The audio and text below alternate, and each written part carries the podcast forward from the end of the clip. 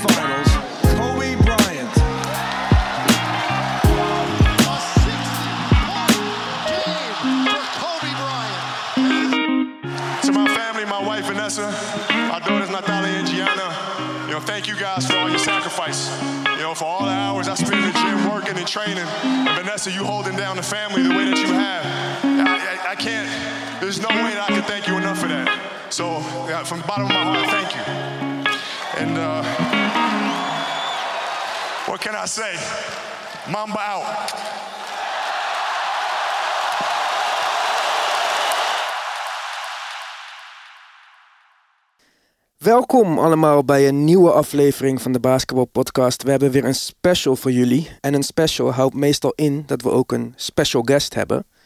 Vandaag is dat Amerikaanse sportverslaggever, journalist, commentator Ronald van Dam. Ronald, welkom.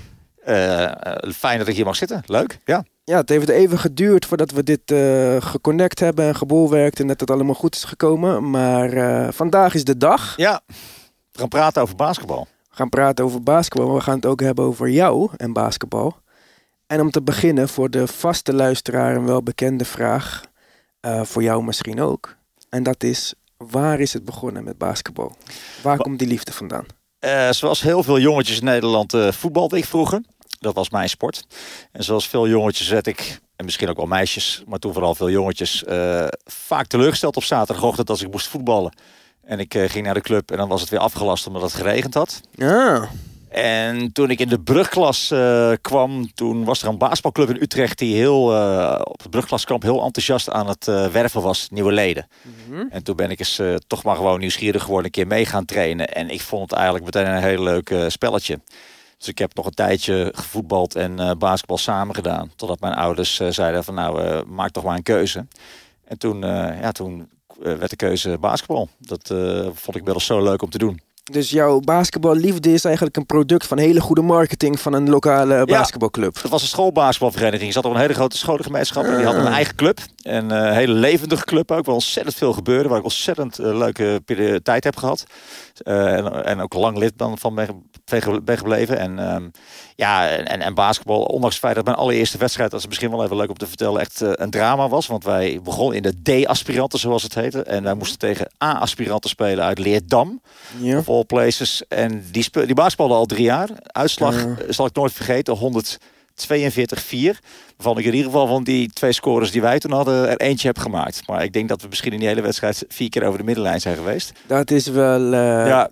erg... Nou, de tweede wedstrijd ging al beter. Toen was het iets van eh 30 punten verschil of uh, zo. 12 punten gescoord. Daarom. Dus ja. Het heeft mij er niet van weerhouden om lekker te blijven basketballen. Dus, en, ook echt ja, verliefd te worden op de sport. Ja, want dat verliefd worden op de sport, dat is met het, met het spelen verder gegaan, zeg maar. Het spelen, maar ook eh, wij hadden een coach die eh, ook heel fanatiek was en die ons meteen meenam naar basketbalwedstrijden in Nederland. En die tijd, Ah. dan praat je over de eind jaren 70, begin jaren 80, maar eind jaren 70 had je, eh, ja, was de tijd van eh EBBC Den Bosch en Parker Leiden. Dat waren toch wel de clubs in Nederland die een enorme rivaliteit hadden. En we gingen naar een wedstrijd in eh Sporthal de Vingerkamp in Den Bosch, waar die eh EBBC, EBBC speelde. We hadden geen kaartjes, het was stijf uitverkocht, maar eh, onze coach pakte dat heel handig aan. Die bij de kassa keek, hij een beetje zo stiekem mee en dan zag dat daar een aantal enveloppen stonden met namen van mensen die kaartjes hadden gereserveerd. En hij, eh, ja, ik kom mijn kaart ophalen voor Jansen. Die naam noem maar eventjes. eh, vier kaarten en eh, oh ja, hier zijn ze. En hup, wij snel naar binnen. Dus die eh, Jansen en zijn aanhang, die zijn nooit eh, binnengekomen, denk ik. Maar ik zat daar meteen te kijken. Dat was een tijd dat, eh, dat die Nederlandse clubs ook speelden met, met heel veel Nederlandse Amerikanen. Hè? Dus eh, Amerikaanse spelers die Nederlandse roots hadden. En daar hadden ze er veel van. Eh, Jimmy Woudstra, Sid Bruinsma, nou, noem maar op. En het was een hele... ja, Echt een goede periode voor Nederlands basketbal. Uh, EBC Den Bosch heeft toen ook, dat heeft Jan Dekker volgens mij in een van de eerdere podcasts nog verteld, speelde toen ook in de finale van de Europa Cup 2 tegen de Italiaanse kant toe. Ja, ik vond het fantastisch. Elk, elk eh, de Nederlandse club had twee goede Amerikanen, maar er waren ook echt meteen klasbakken. En in die volle Vinkenkamp eh, pakte me dat helemaal bij, eh, bij de kladden. Ik was echt meteen, echt meteen verkocht. Ja. Meteen verkocht. Hoe heet die coach? Weet je dat nog? Joop van Wijnberg. Joop van Als die Wijnberg. eh, toevallig Dus, eh, zou luisteren naar de podcast, eh, aan Joop heb ik heel eh, veel te danken. Die kwam ook echt bij mijn ouders langs toen om mijn ouders nog even te overtuigen van het feit dat ik toch echt lid moest worden van die basketbalclub. Dus eh, ja, nee, dat was echt een hele gave coach. Daar heb ik heel veel aan te ja, danken. zulke namen moeten we altijd noemen Ja. natuurlijk. Als je zo jezelf hebt ingezet om eh, basketbal populair te maken. Precies. Dan, eh, En, en in zijn verband moet ik ook zeggen, hij had ook goede contacten toen eh, bij de vliegbasis Soesterberg. Hè. De Amerikanen waren natuurlijk in de jaren 80 Koude Oorlog Ja. natuurlijk in Nederland gestationeerd eh, op eh, Soesterberg. En eh, hij kwam toen een keer af, tenminste ik geloof dat hij het was, maar het kan ook iemand anders binnen de club zijn geweest. Maar in ieder geval, eh, het zal me niet verbazen als hij het was. Met een, een 16 mm film van de All-Star Game oh jeetje. uit Amerika. Nou, dat, dat met Dr. Julius Irving, eh Duncan, dat, dat was echt basketbal van ons, ja, van een andere planeet. Dat hadden we echt, dat had ik echt nog nooit gezien. We hadden natuurlijk wel wat wedstrijden uit Nederland gezien. Ja. Maar de NBA, dat was iets van, ja, kijk, eh, iedereen eh, kent het nu, kan het tot zich nemen. Het komt wel alle kansen op. Maar dat was toen niet zo. Ik bedoel, je, Ja. ja, als je al een keer iets te pakken kreeg, een artikeltje of, of in dit geval dan zo'n film van een All-Star Game. Ja, dat, dat was alsof, eh, alsof er aliens op de, op de aarde neerdaalden. Ja, daarmee beantwoord je mijn volgende vraag. Hoe ben je in contact gekomen met Amerikaans basketbal? En dat is dus door een videotape van Ja, een... echt een film was het nog, die op een projector werd gedraaid. Dus en die gewoon- werden voor de troepen uit Ja, Amerika ja. gestuurd. En Ja. die hebben jullie toen weten te Precies, en die, waren, nou, die hadden die daar al, eh, al gezien. En dan eh, kregen wij die, eh, die film mee. En dan werd er het pro- projector neergezet. We hadden een clubhuis aan de Oude Gracht in Utrecht. In een werfkelder, beter werd het niet. En dan werd er dan op zaterdagavond of zondagmiddag... werd daar zo'n zo'n basketbalfilm vertoond. En hoe oud was je toen? 13, 14 jaar. Ja. Dus 13, 14 en Ronald zag een All-Star wedstrijd. Ja. NBA zag mensen vliegen en die dacht, wauw. Ja, en ik weet ook nog dat ik een, toen een, een, een, een basketbaltijdschrift in handen kreeg... waar ook eh, over de NBA werd geschreven. Het zou me niet eens verbazen als dat een artikel van Mart Smeets eh, is geweest. Maar er stonden de logo's bij ook van een aantal clubs... zoals de, de, de Phoenix Suns en toen nog de Kansas City Chiefs. Die speelden daar nog. Ja, ik, ik ging die, die, die logo's gingen op een groot wit vel papier... ging ik die met zwarte stift helemaal natekenen. En dan maakte ik dan eh, posters van voor op mijn eh, eigen muur.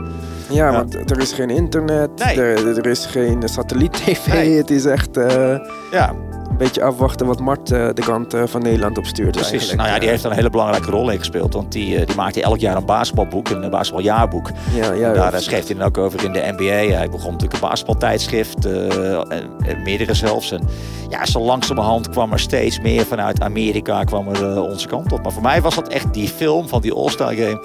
Ja, ik weet nog dat ik eh, toen naar huis ging met echt van... wow, eh, dit, dit is echt, echt vet. Dit is echt geweldig. Ja.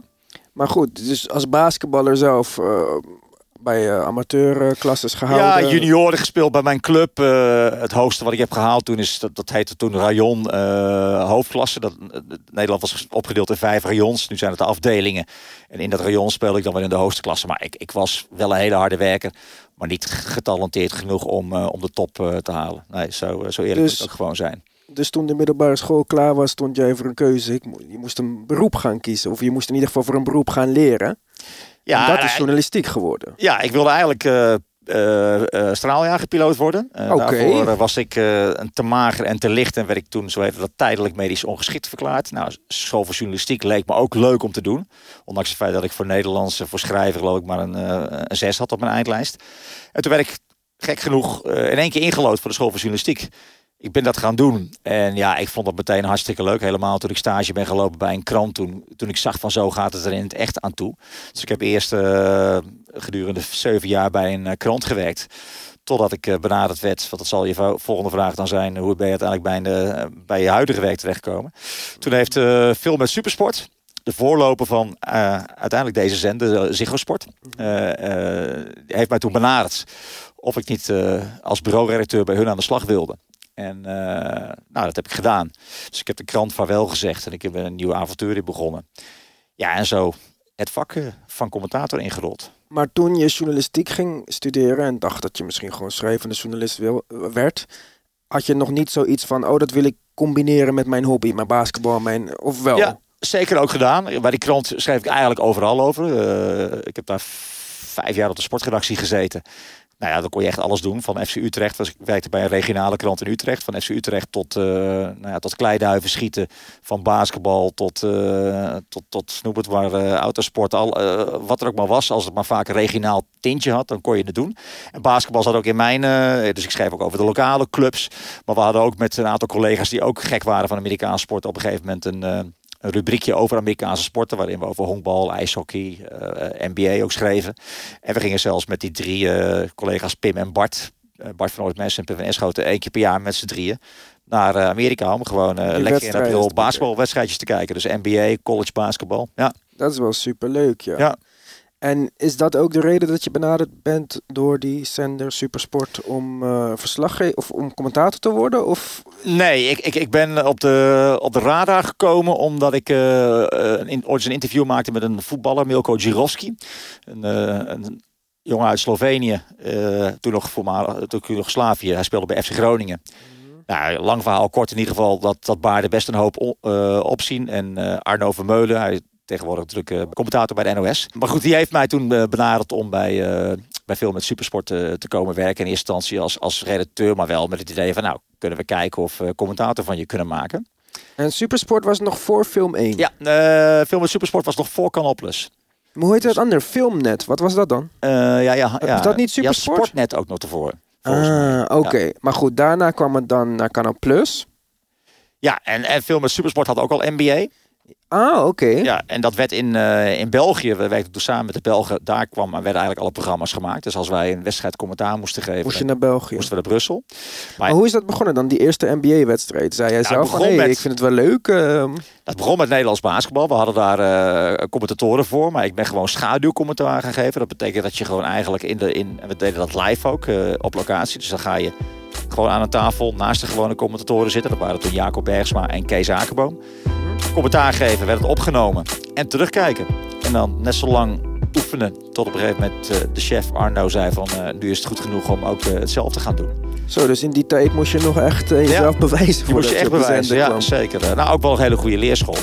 Dus dat was Nederlands basketbal, NBA. We zonden natuurlijk ook ijshockey uit. Dat waren een beetje de sporten waar ik mee, mee begonnen ben. Ja, waar ik mijn eerste stap als commentator heb gezet. En in welk jaar zijn we nu om voor de luisteraar een beetje beter in de tijdlijn Zeker, dan zitten we inmiddels in, dan moet ik even goed, uh, 96, 97. 96, ja, 97. In die periode, ja. Dus we zitten ook nog een keertje in de hoogtijdagen van de NBA. Michael, Jordan, Jordan tijdperk. Ja, heb je actief meegemaakt. Ja. In, in die tijd kon je dus ook al wat meer basketbal zien. Het was op de Nederlandse tv. Ja. En begon jij toen ook fan te worden van een bepaalde speler, bepaalde club? Uh... Nou, als, als, het, als het gaat om spelen, was ik gewoon echt uh, Michael Jordan fan. Klaar. Ik bedoel, uh, en, en, dat ben ik nog steeds. En ik, ik vind het nog steeds, denk ik, de beste alle tijden. Wat ik, ja, ik zag wel dat die man gewoon het, het verschil maakte met, uh, met de rest. Natuurlijk zeker, zeker in de jaren negentig, toen die, uh, ja, toen die zes titels won in acht jaar tijd. En dan hadden er misschien even goed ook acht kunnen zijn als hij besloten had om die twee jaar wat te gaan honkballen en andere dingen te gaan, uh, ja. gaan doen. Niks ten nadele overigens van, van de Houston Rockets, die natuurlijk toen twee kampioen Hele mooie titels hebben gewonnen met de Zeker. One. Dus ja, en, en de, de club waar ik wel wat mee had, maar dat komt, mijn allereerste NBA-tripje maakte ik begin jaren negentig. Toen weet ik ook al voor een blad dat heette Play-Off. En dat ging ook over basketbal, honkbal, ijshockey. En uh, dan ging samen de fotograaf Peter van der Velde, mochten we ook uh, naar Amerika toe. Uh, als combinatie met sportreizen die ze organiseerden, gingen wij dan mee om verhalen te maken voor ons, ons blad. En mijn eerste wedstrijd was net in de tijd dat Magic Johnson uit de school klapte of niet naar, naar buiten kwam. Dat hij HIV had. Ja. En mijn eerste wedstrijd was de Lakers tegen de Warriors. En daarna hebben we ook nog de Warriors gezien. Ik weet niet meer tegen welke club in, in, in San Francisco, in Oakland. En heb ik nog een interview ook gemaakt met Sharunas Marcellenus, Litouwse speler. Een van de eerste die daar De Eurostep-uitvinder. Ja. En ja, dus Golden State heeft altijd wel een beetje vanaf het begin... Waren en dat was, was dat de Golden State met Chris Mullin, ja. Mitch. Richmond en... Uh, ja. Nou, vergeet ik weer die naam. In de podcast met John Dekker kom ik er al niet op Mitch Richmond. Zran TMC. Tim Hardaway. Tim Hardaway. Gelukkig. Ja. Ik wou ze niet twee podcasts Nee, elkaar vergeten. En dat was een mooie Warrior-tijd. Ja, dus, eh, dus enerzijds dat team wat wel een beetje mijn, eh, mijn, mijn favoriete team was. En, ja, en Jordan gewoon als, eh, als spelers. Maar goed, er waren natuurlijk wel, wel meer. ik kon ook ontzettend genieten van, van die kleine John Stockton. Dat vond ik ook wel een, echt een, een held. Later Steve Nash was zelf als speler spelverdeler. Dus dan kijk je misschien ook wel wat meer Ja, naar, wat de, eerder naar dat soort naar spelers. guards. Ja, zeker. Maar het is misschien ook anders. Kijk, wij hebben ook jongere mensen in de, in de podcast. En, Gelukkig. Ja, gelukkig. maar nee, maar niet daar. Het is niet eh, jong of oud, maakt uit. Maar voor hun is Michael Jordan iets wat ze gelezen hebben. Ja. En dat is nog steeds indrukwekkend, zes titels. Maar zij denken dan, ja, Warriors hebben er ook al drie. Het is moeilijk om te beseffen, denk ik, als je de jaren negentig niet hebt meegemaakt, wat voor impact hij op de NBA hij had zat- en wat voor, wat voor wurggreep hij op de NBA had. Zeker. En dat zat hem nog niet eens zozeer, denk ik, in eh, het aantal prijzen wat hij heeft gewonnen. Al vind ik wel, weet je, zes finales eh, en zes keer kampioen. Ja, zes Maar gespeeld zijn- en zes gewonnen ook. hè? Precies, het is zijn manier van spelen. Eh, Als je, als je, ik vergelijk het een beetje met eh, als voetballer. In, als, je, als je beelden terugkrijgt van Johan Cruijff in, in zijn hoogtijdagen, dan zie je een speler die lijkt wel veel sneller te bewegen dan de rest. Die lijkt het spel op een ander, op een ander level te beoefenen. En dat had ik bij Jordan ook. Die deed dingen, die bleef net iets langer hangen. Die, die ging dan onderdoor en kwam met een onafvolgbare beweging. Die, eh, ja, die kon gewoon 40 punten in één wedstrijd scoren. Maar ook nog onwaarschijnlijk goed verdedigen. Maar zijn hele sierlijkheid, zijn bewegingen. Dat had, daar komt het later misschien wel even over. Vond ik Kobe Bryant ook een- speler die het net iets anders deed. En ja, iets, iets mooier, iets specialer dan, dan de rest, met alle respect. En, dat, en dat maakte hem zo. eh, en een absolute man die gewoon maar één ding wilde. Het was helemaal geen aardige man. Die gewoon maar één ding wilde, namelijk winnen. Winnen. En in staat was met, nou ja, met garnituur spelers om hem heen. Waarvan je kan zeggen dat Scottie Pippen natuurlijk wel een, een klaspak was. Ook een Maar ja, zouden wij ooit van Luke Longley en van Bill Wennington hebben gehoord als eh, Jordan die was geweest? Nee, maar eh, Paxson, eh, Steve Kerr. Jongens die gewoon precies het goede deden in dat team. En hij gaf ze ook de bal op de cruciale momenten. En, en, en die jongens beseften ook, ik heb later wel eens met Bill Wennington eh, gesproken. Die zegt, ja, ik, ik, voel mij, ik voelde mij gezegend ja. dat, ik, dat ik de kans kreeg om, om daar aan mee te doen. Ik bedoel, en we, hadden, we begrepen allemaal donders goed dat dit gewoon een eh, once in your lifetime opportunity was om gewoon eh, geschiedenis te schrijven. Ja. Maar ja, wel allemaal aan de zijde van, eh, van eh, His Royal. Airness. Ja. Je zei net al Kobe. Dat is natuurlijk eh, triest nieuws eh, ja, over Kobe recentelijk. Jij was in Amerika, in Canada toen op dat moment. Canada. Ja. Maar goed, in ieder geval in Noord-Amerika. Ja. Toen, eh, toen je dat nieuws kreeg, daar leefde het, neem ik aan, nog meer. Ja, dan, dat was het meteen breaking news de hele dag. tv aan, tv volgen. En steeds meer lekte er natuurlijk informatie uit wat er gebeurd zou kunnen zijn. Ja. ja. En dan komt het moment dat zijn dochter daar nog bij betrokken is. Jij als vader, Ja. het lijkt me allemaal... Dat, ra- eh, dat raakte mij eigenlijk nog wel meer, denk ik. Ook gewoon nog twee andere jonge meisjes, weet je wel. Het is natuurlijk niet alleen het, eh, de, de- Ja. dat, dat we Kobe kwijt zijn geraakt. Maar gewoon ja, jonge mensen die, in, in, ja, die nog aan het begin van hun hele leven staan. Die daar om het leven komen. Maar dat gebeurt natuurlijk de hele dag over de hele wereld om ons heen. Dus Ja, we ook zeker. niet, eh, maar goed, je kunt het niet relativeren, vind ik. Want het is, ja, het is een basketballer die het stokje overnam in mijn optiek van, eh, van Michael Jordan. Die, en ik, heb, eh, ik, ik, ik, ik kan me goed herinneren het moment dat hij in de All-Star Game Jordan ging verdedigen, maar wel zodanig fanatiek dat Carl Malone op een gegeven moment toch even langs Kobe liep van joh, Ja, kan het misschien één tandje minder. Het is, eh, het is de All-Star Game en het is wel eh, Michael Jordan. Dat geeft ook wel weer iets aan met, met de verbetenheid waarmee eh, Kobe Bryant die NBA binnenkwam om ook alles te willen het, winnen. het waren echte competitors. En ik denk ook niet dat zij het anders hadden gewild. Zowel Michael Jordan als Kobe Bryant. Kobe Bryant wou ook niet dat je hem de kans gaf om Nee. 82 punten te maken. Ook al had hij er al 81. Michael Jordan zou dat ook niet willen. Zeker niet. Nee, Dat absoluut. waardeerden ze ook in elkaar, denk ik. Ja. Dus als we nog even verder gaan met een uitstapje uit jouw eh, tijdlijn. Je zei Michael Jordan, Kobe Bryant, om het stokje over. Is er iemand in de NBA waarvan jij nu zegt... die gaat door in die lijn van spelers. Die aanvallen, verdedigen, net een stapje harder werken... net een stapje verneiniger zijn dan de tegenstander. Is er iemand? Ja, ik, ik hoop heel erg dat dat Luka Doncic wordt. Eh. Die heb ik ook al, eh, omdat ik natuurlijk ook gewoon basketbal, eh, de, de Euroleague bijvoorbeeld ook volg. Ja, die heb ik al zien debuteren op zijn 16e bij Real Madrid. En toen vond ik dat al, al een hele speciale jongen. Ja, en de manier waarop hij nu in het tweede jaar zeg maar bezig is. Hij heeft, hij heeft natuurlijk wel een hele andere manier. Het is, het is misschien, ja, hij is ook een stevige jongen. Is geen verdediger. Nee, geen verdediger, maar wel een, een ja, onwaarschijnlijk goede basketballer. Gaat hij, ja, gaat hij de NBA op zijn kop zetten? Dat weet ik ook niet. Dat durf ik ook niet meteen eh, te zeggen. Maar het is wel de speler waar ik zelf naar uitkijk. Hoe gaat hij zich de komende jaren ontwikkelen? Kan die, kan die nog veel beter worden? En kan die inderdaad ook gewoon eh, met die Dallas Mavericks als, als franchise player... kan die het ook voor elkaar krijgen? En als je kijkt naar een two-way speler, dus, dus het, eh, echte prototype-achtige Michael Jordan, Kobe Bryant, is er dan een speler waarvan je zegt van nou, hij haalt het niet, maar hij gaat in die richting. Nou ja, Want verdediging is natuurlijk Zeker. niet zo erg meer aanwezig in de NBS vroeger. Nou ja, Jannes Antetokounmpo is, eh, maar die, eh, die moet echt zijn drie punten nog, nog beter ontwikkelen. Ik bedoel, hij is er al wel mee bezig. Ja, maar die drie punten hadden Kobe en Michael ook niet echt. En wat hij wel heeft, is het niet willen vrienden zijn met een tegenstander. Hij heeft wel dat competitieve. Jij zegt, ze hadden die drie punten niet echt, maar die waren wel allebei in staat om die bal erin te schieten. Clutch moment in de wedstrijd eh, aan het einde. Dan, dan pakten ze een verantwoording en dan schoten ze hem er ook wel heel vaak in. Op het juiste moment. En dat zie ik Jannes nog niet. Die, die zal het op een andere manier doen. Die zal naar de ring gaan. Ja, die heeft ook Ja. een andere fysieke Precies, tools ja. natuurlijk. Je moet ten alle tijden misschien uitgaan van waar jij het beste in bent. Ja. Maar goed, we gaan zo meteen wel verder praten over NBA. Laten we even teruggaan naar de, de Ronald van Dam Ja. tijdlijn. Ja. Eh, we zijn bij Supersport. We hebben schaduwcommentaar gedaan. We En mogen nu het echt gaan doen. Gaan we het echt doen. Ja. Kan je je nog herinneren wat je eerste wedstrijd was? Ik kan mij de, mijn, eh, mijn eerste NBA-wedstrijd niet meer herinneren welke ik gedaan heb. Nee, nee. Dus, eh, Maar in welk... Oké, dan het jaar hoop ik dat je je nog kan herinneren dan. Ja, dat zal in die eh 97, 98 eh, periode geweest zijn. En, eh, dat Jacob Bergsma was de eerste man bij ons. En, eh, en, maar goed, die deed niet alle wedstrijden. En ik, eh, ik pakte er dan ook wel af en toe eentje over. En dat was nog in de periode dat wij naar de NBA Finals mochten. Dat, eh, die, die luxe hadden we nog.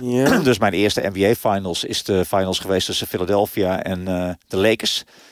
Toen Ja. Kobe Bryant en Shaq eh, Allen Iverson, die, eh, toen ze de eerste wedstrijd wonnen. Wow, wow, wow. Dat Ja. is een mooie, mooi begin Dat van... was een eh, mooi begin. Ja. En ja, dat, dat, weet je, dat- dat is eigenlijk waar, waar, waar je als commentator, als sportjournalist van droomt natuurlijk van ja, dat soort evenementen te mogen verslaan. En eh, ja, dat ik daarbij mocht zijn de eerste keer gewoon een hele serie voor. Samen met Kees Akerboom was dat voor, eh, voor mij. Gingen jullie gewoon daarheen en je bleef de hele finals? Eerst eh, in Philadelphia, dan verhuisde je mee naar Los Oh, Angeles. wow, Eh, ja. dat is wel heel leuk. Dus ja. het was gewoon, gewoon de 10, 15 dagen van huis. Fantastisch. Ja, dan kan je het echt, dan proef je echt de Ja. zeg maar.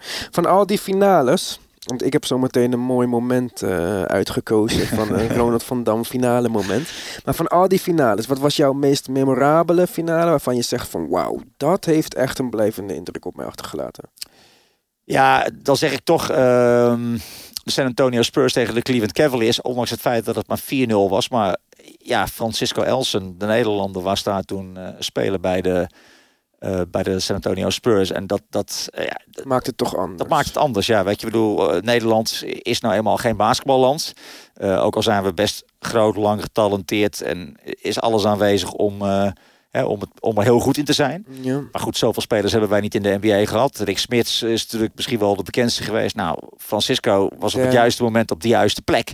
En werd kampioen. En toen merkte hij wel eventjes... ehm, ja, dat je dan ook als verslaggever uit Nederland... toch, nou ja, vervolg wordt aangezien... of in ieder geval... als, eh, hey, oh ja, you're from eh, the country Aha, of dat is Francisco. Francisco van. Ja, ja, Ja, precies. En wat wel heel leuk om te vertellen was, is dat eh, toen was Mart Smeets ook voor de NOS om een interview te maken met, met Francisco. Ik was er namens Canal Plus, zoals de zender toen nog heette.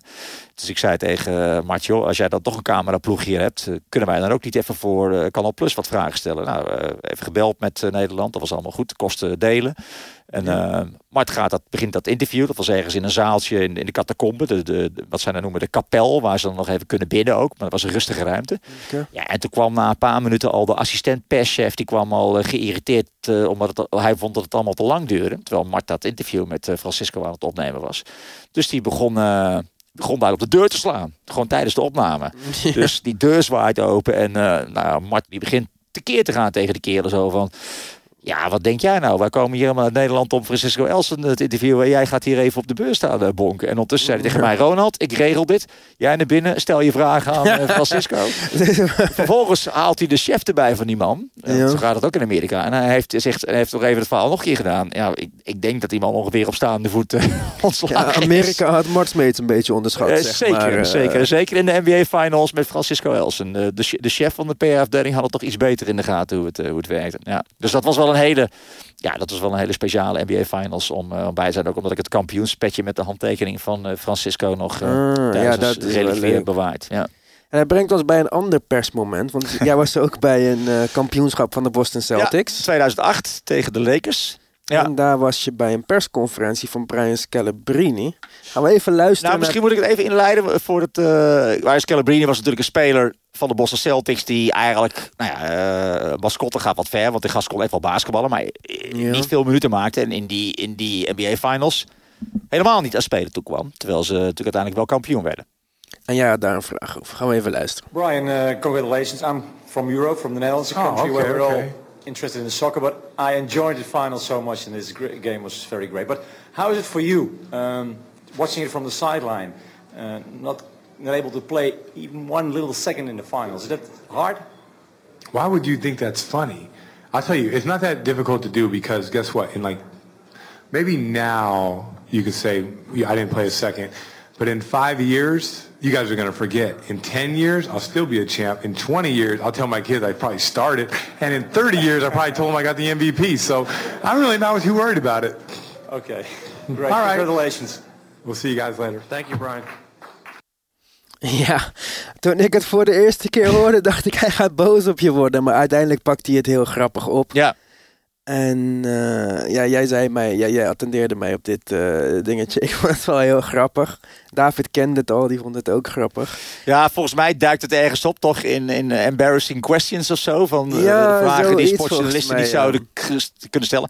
Nou, eh, één, ik had geen enkele vervelende intenties ermee. Want ik, ik vond Ik het vond gewoon, het echt een interessante vraag. Ja, gewoon hoe je als sportman Ja, dat beleeft. Ja, en, snap eh, ik. alleen Amerikanen zitten er toch iets anders in. En ik, ik merkte wel aan mijn collega's om me heen dat ze een beetje gniffelden. Zo van, eh, wat vraag je nou? Ja, want daarom zei hij ook, I don't understand why you think it's funny. Ja, eh, maar ik vond dat hij er ook oké mee omging. En ik dacht ook wel, weet je, Brian Scalabrine, eh, die ging daar nog even zitten. Want die kwam eigenlijk gewoon zo van, oké jongens, hebben jullie mij nog wat eh, te vragen? Hè? Want eh, de Garnets en de Pearsons, die waren allemaal al geweest. Ja. En Doc Riverson. En eh, nou, dus hij zat ook wel een beetje in een, in een, in een leuke flow. Dus ik denk, ik, ik stel die vraag gewoon. En eh, nou, uiteindelijk levert het een, eh, een leuk antwoord op. Ja. Een soort van viral clip, eh, zeg maar. Als Ja. het nu was gebeurd, was het zeker viral gegaan eh, op Instagram en zo. Ja, dus... eh, Goed, inmiddels eh, zijn we dus al eh, in de 2000s aangekomen. Ja, dat was, weet je, dat was toch in ieder geval de periode dat we ook eh, finals op locatie mochten doen. Ik denk dat dat ook mijn laatste is geweest die ik gedaan heb. En daarna, nou ja, werd toch steeds meer de trend van blijf lekker in Hilversum. Maar dat kost best een klap geld. Mensen vragen zich wel eens af, hoe zit het dan? Maar ja, je moet een, ondanks het feit dat je de rechten bezit hè, om NBA uit te zenden, zoals Ja, Sport, moet je ook een commentaarpositie kopen. Die moet dan ingericht worden met apparatuur. Eh, ze moeten ons erheen eh, eh, sturen. Dat is ook niet gratis. Ja, dus dan wordt uiteindelijk gewoon geplust en mint. En is dat weggevallen. Wat ik wel op zich wel heel jammer Niet zo gek. Ook misschien Nee, voor een sport als basketbal. Het is nou helemaal niet voetbal. nee. Maar eh, er zijn andere voordelen aan deze tijd. En dat is dat we in de jaren 2000 internet hadden en NBA gingen volgen. Ja. En waar weet ik, daar weet ik ook weer van dat jij eh, nog iets anders doet met dat internet en NBA. En dat is fantasy basketbal. Ja.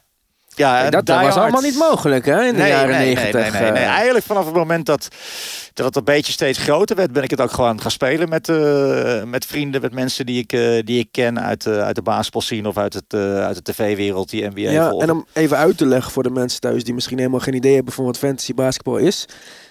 Op basis van statistieken draft je een soort van team. Je hebt dan je eigen team. Iedereen in de competitie heeft zijn eigen team. En op basis van gebeurtenissen in de echte wereld eh, krijg je daar punten voor. Een soort, ja, ik leg het nu heel simpel uit. Maar daar ben jij eh, aardig goed in, als ik het niet eh, verkeerd begrijp. Nou ja, goed. Ik, eh, in misschien het kleine Nederlandse wereldje wel hoor. Ik bedoel, ik, ik heb geen idee waar ik zou staan internationaal, maar daar gaat het ook helemaal niet om. Het is een leuke manier om de sport te volgen. Want je, je zit met tien, tien mensen bijvoorbeeld in een, in een league, zoals je dat noemt. Je hebt allemaal je unieke team. Hè, dus het wordt ook echt gedraft zoals het echt gaat. Degene die als eerste is, die, nou, die mocht dan dit jaar kiezen. Wie was neem- dit jaar als eerst? Eh, volgens mij, ik koos als derde en ik heb... Wie heb je eh, gekozen? Ik heb James Harden genomen. En daarvoor kwamen nog eh, Giannis Antetokounmpo en Nou, ik denk dat, die, dat de verrassende keuze op twee was, dacht ik Carl Anthony Towns. Oké. Dus, eh, maar goed, ik koos voor Harden. En, en zo ga je. En dan de, de, de nummer 10 mag dan ook weer als eerste kiezen in de tweede ronde. Ja, de Snake. De Snake, eh, ja, precies. Nou ja, en zo stel je je eigen team samen. Maar hoe die jongens eh, spelen, ja, dat bepaalt het succes van jouw team of niet. En dan zoek je natuurlijk altijd naar spelers die een beetje onder de radar blijven en die een geweldig seizoen draaien. Nou, zeg maar een paar jaar geleden had ik een team met CJ McCollum, die een geweldig jaar draaide. En het jaar waarin Giannis Antetokounmpo bijvoorbeeld eh, helemaal doorbrak. Aha. Ja, die kies je dan in de vijfde of in de zesde ronde. Dus dat zijn je masseltjes eigenlijk. Dat zijn, ja, je nou ja, waar je gecalculeerd op gokt in de hoop dat ze het goed gaan doen. Ja, soms zit je er ook eh, volledig naast. Op wie had je dit jaar gecalculeerd gegokt? Op wie had ik dit jaar gecalculeerd, gegokt? Die er, ehm, ja, ik heb er eigenlijk niet zo heel veel verrassingen bij zitten. Eh, geen, geen, Wat is je team? Weet je dat uit je hoofd? Ja, dat weet ik. Ik heb op de, nou ja, James Harden zo gezegd. Ik heb als, ik heb Collins van eh, Atlanta op de centerpositie. Oeh, had je eventjes pech aan het begin van het jaar. Nou, die heb ik er via een trade eh, bij, eh, bij gekregen. Die komt trouwens van, van, van David af. Oké. Ehm, pff, ik moet even goed nadenken. Want ik heb meerdere teams. Dus laat ik ze vooral niet eh, door de, de- Tobias Harris van, eh, eh, van Detroit. Is natuurlijk bezig aan een, eh, aan een goed seizoen. Bogdan Bogdanovic van eh de Utah Oh, Jazz. zo, jeetje, je hebt wel... eh, Ja, Oh, Bogdan Bogdanovic. Ik dacht Bojan Bogdanovic. eh Bojan van Utah. Bojan is van Utah. Ja, en die heb ik dus. Bogdan is van Sacramento. Ja, maar eh, je, je, moet, je scoort punten in tien categorieën. Dus je moet een, wel een bepaalde balans in je team zien te vinden. Je hebt, en Maar wat zijn de moeilijke categorieën? Toch vaak de geblokte schoten en eh, de steals. Eh, kijk, assist, rebounds is wat makkelijker aan te komen en punten. Maar dan is James Harden toch niet de beste speler voor dit? Nou, hij heeft misschien niet zo'n heel goed schotpercentage, maar hij neemt onwaarschijnlijk veel vrije worpen tegen een hoog percentage. hij schiet heel veel drie punten raak, want daar gaat het dan om. Eh, hij heeft natuurlijk voor zijn positie veel rebounds, veel assists, veel steals en veel punten. Dat betekent eigenlijk al dat hij in zes categorieën gewoon een hele hoge voorspeler voor je is.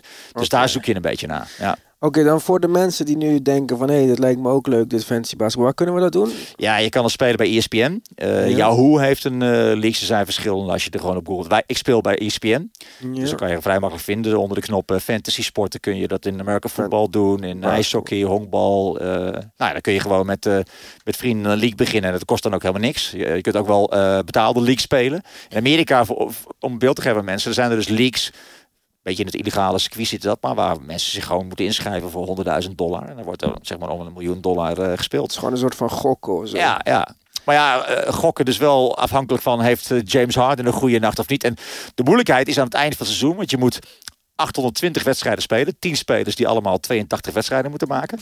Maar ja, jij weet ook als NBA-volger wat gebeurt er in die laatste twee weken. Ja, niemand speelt. Nee, dus je moet eh, toch proberen eh, al eerder eigenlijk op die wedstrijden uit te komen.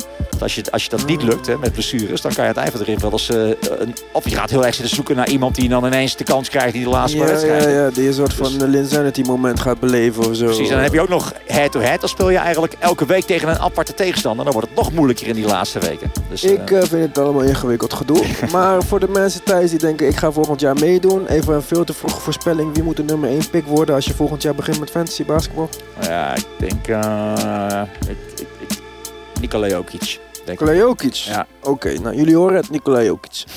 Meer dan 20 jaar doe jij NBA, Ja. volg jij NBA voor, eh, vanuit een professioneel Ja. oogpunt. Dat geeft jou ook de kwalificatie om wat te zeggen over de NBA. Als je kijkt naar de NBA van toen, dus van 20 jaar geleden, eind jaren 90, en de NBA van nu, 2020. wa- Wat is dan het grootste verschil wat jij ziet? In het, mag in het spel zijn, of misschien in de benadering van de wedstrijden door spelers. Is er iets wat jou het, het meest is opgevallen? Nou, wat, wat ik wel jammer vind, is dat het lijkt wel of het geld eigenlijk gewoon een steeds grotere rol is gaan spelen bij, eh, bij alles. En ook, ook voor de spelers zelf, eh, de dikke contracten die ze willen afsluiten. Natuurlijk ook mogelijk gemaakt door de enorme bedragen die, eh, die aan tv-rechten worden bepaald. En, en, ook daardoor wel ja, spelers sneller van clubs verwisselen om, om te kijken of ze, of ze er nog meer uit kunnen halen. Ik ben dan toch wat meer oldschool en meer een bewonderaar van een ja, van een Dirk Nowitzki, die zijn hele carrière bij hetzelfde team speelt. Eh, dat vond ik ook het mooie aan Kobe Bryant. Laker for, eh, for lifetime. Ja. En dat, dat had je ook toch ook bij Jordan. Ja, de hele, zijn hele carrière voor de, voor de Bulls gespeeld. Weet je, bij de Wizards nog. ja, ja oké, maar dat was het toetje. Die tellen wij niet. Echte Jordan fans Jazz. tellen die niet mee, hè? Stockton en, en, en Malone was natuurlijk ook jarenlang gewoon het, het het uithangbord van, van die club.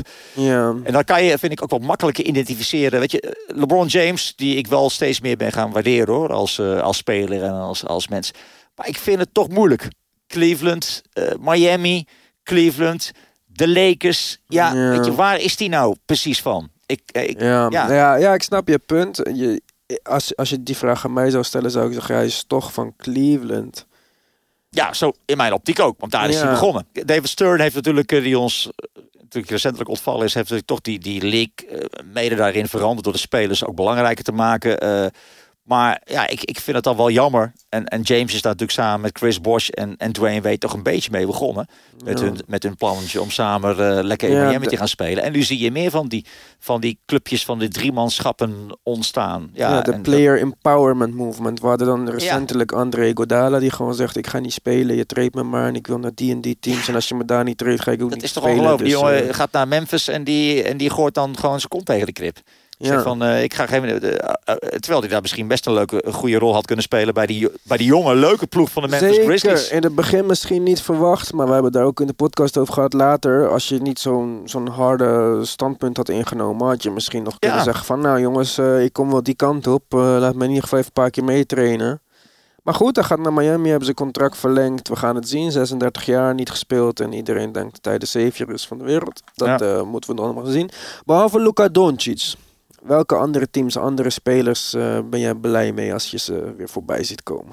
Nou ja, ik, ik, ik, eh, ik ben dit jaar, ik heb ze nu een paar keer spelen, toch wel een klein beetje verliefd geworden op de Memphis Grizzlies. Ik vind die Ja Morant vind ik gewoon echt een geweldige speler om eh, naar te kijken.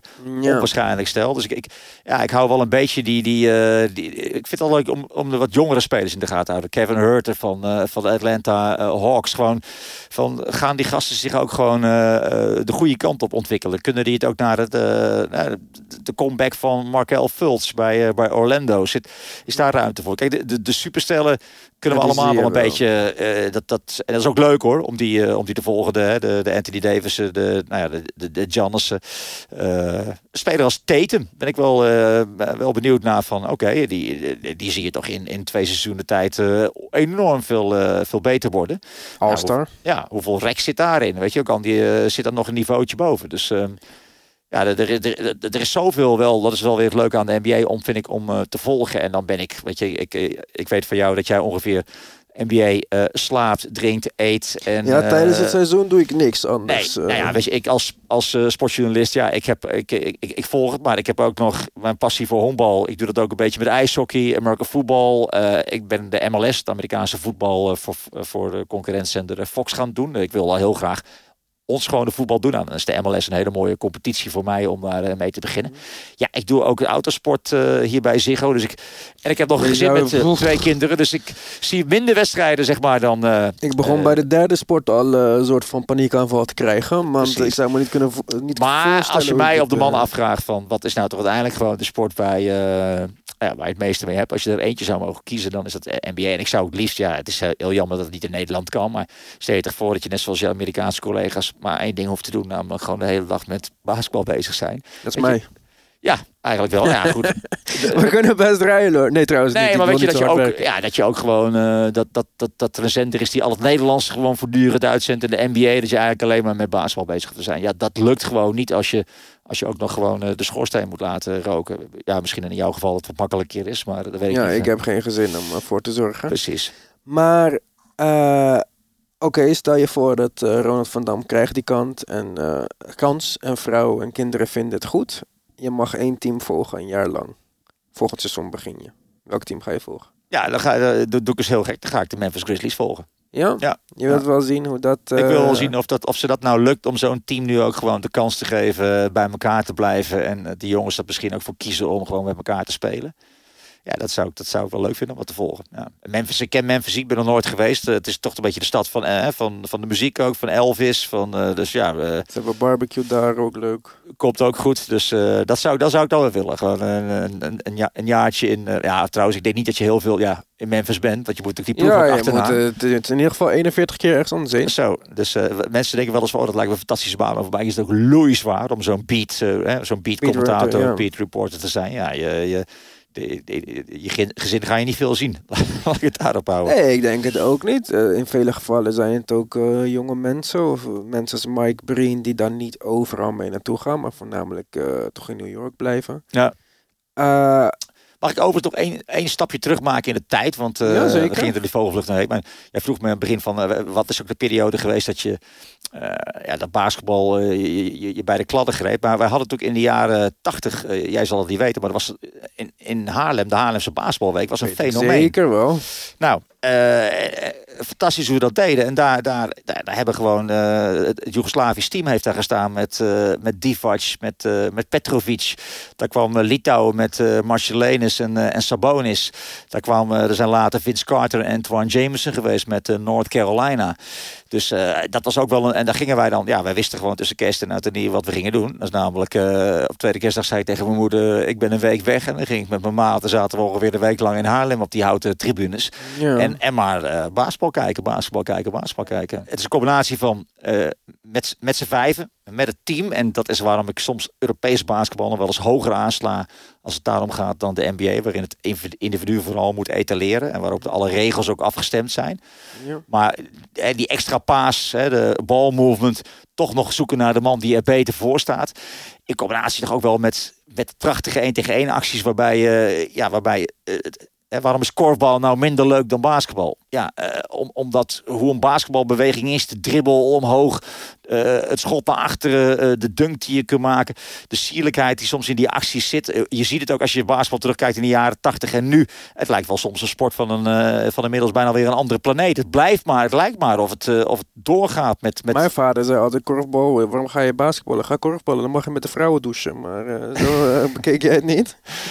Nee, maar Nee, zo, bekeek ik het niet. Al heb ik nog wel een keer verkeering gehad met een korfbalster, maar dat is, eh, dat is weer een ander. Nee, maar dat, vind, dat, is, dat is wel waarom ik altijd van, van, van basketbal ben blijven genieten. Er zijn natuurlijk ook een hoop Europese spelers in de NBA die dat Ja. spelletje een beetje overbrengen. Nou, dat is natuurlijk het mooie van de NBA, dat het zo'n internationale competitie is. Aan het is worden geworden. is, En ik hoop ook echt oprecht dat we daar gewoon weer in de toekomst ja, een Nederlandse jongen in, eh, in, in gaan krijgen. Er zijn natuurlijk wel, we hebben wel wat talenten. Tristan Enaruna, Nathan Kuta, Boy van de Vuurste Met. Harms.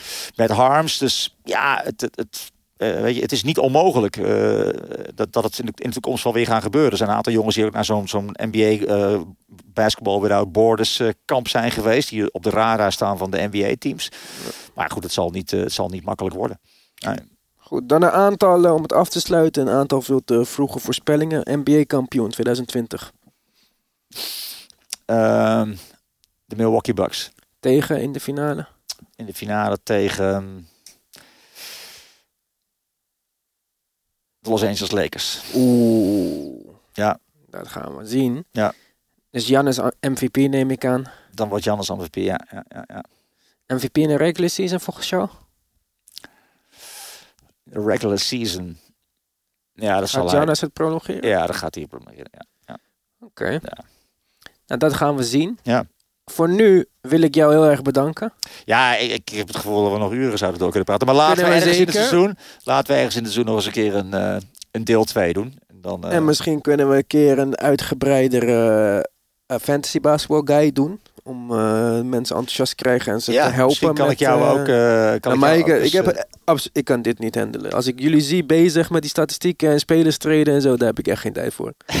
maar nee, want dan zou, je, dan zou je helemaal niet meer aan slaven toekomen. nee, Dus, mijn slaap is dan- al tot zes uur per dag Er zijn beperkt. mensen die ik dan ken die zo fanatiek zijn dat ze dus om, om zes uur opstaan. Zodat als er een blessure is bij een bepaald team en je weet van die is er een langere periode uit, dan moet ik natuurlijk die gast hebben die nu eh, doorschuift naar zijn, eh naar zijn maar ik zou je vertellen, Ronald, om zes uur ben ik nog wakker. Want dan kan je het meteen mooi doen. Ik ben Dus, basketbal eh, aan het kijken. Als je thuis komt. Goed, wie weet, wie weet. Ik ga Ik vond het heel leuk in ieder geval om eens aan te mogen schrijven. Ik vind het ook leuk om, om te zien hoe jullie met de ba basketbal podcast, eh, nou ja, een, een, een, een groep, en misschien ook wel een nieuwe groep NBA-liefhebbers aan het Zeker, we zijn eigenlijk natuurlijk een beetje guerrilla-journalisten in tegenstelling tot de... We zijn niet geschoold, niet opgeleid. We zeggen eh, heel veel scheldwoorden. Daarom staat er ook een explicit eh, label bij onze podcast. Dan hebben we het vandaag al nog netjes gehouden, denk ik, of niet? Heel netjes. Deze kunnen we gewoon die E weghalen. Kinderen mogen luisteren, geen probleem. Precies. Nou, dankjewel. Geen dank. Tot eh, snel dan. Oh, zeker, ja. Komt goed. Tot ziens. All right.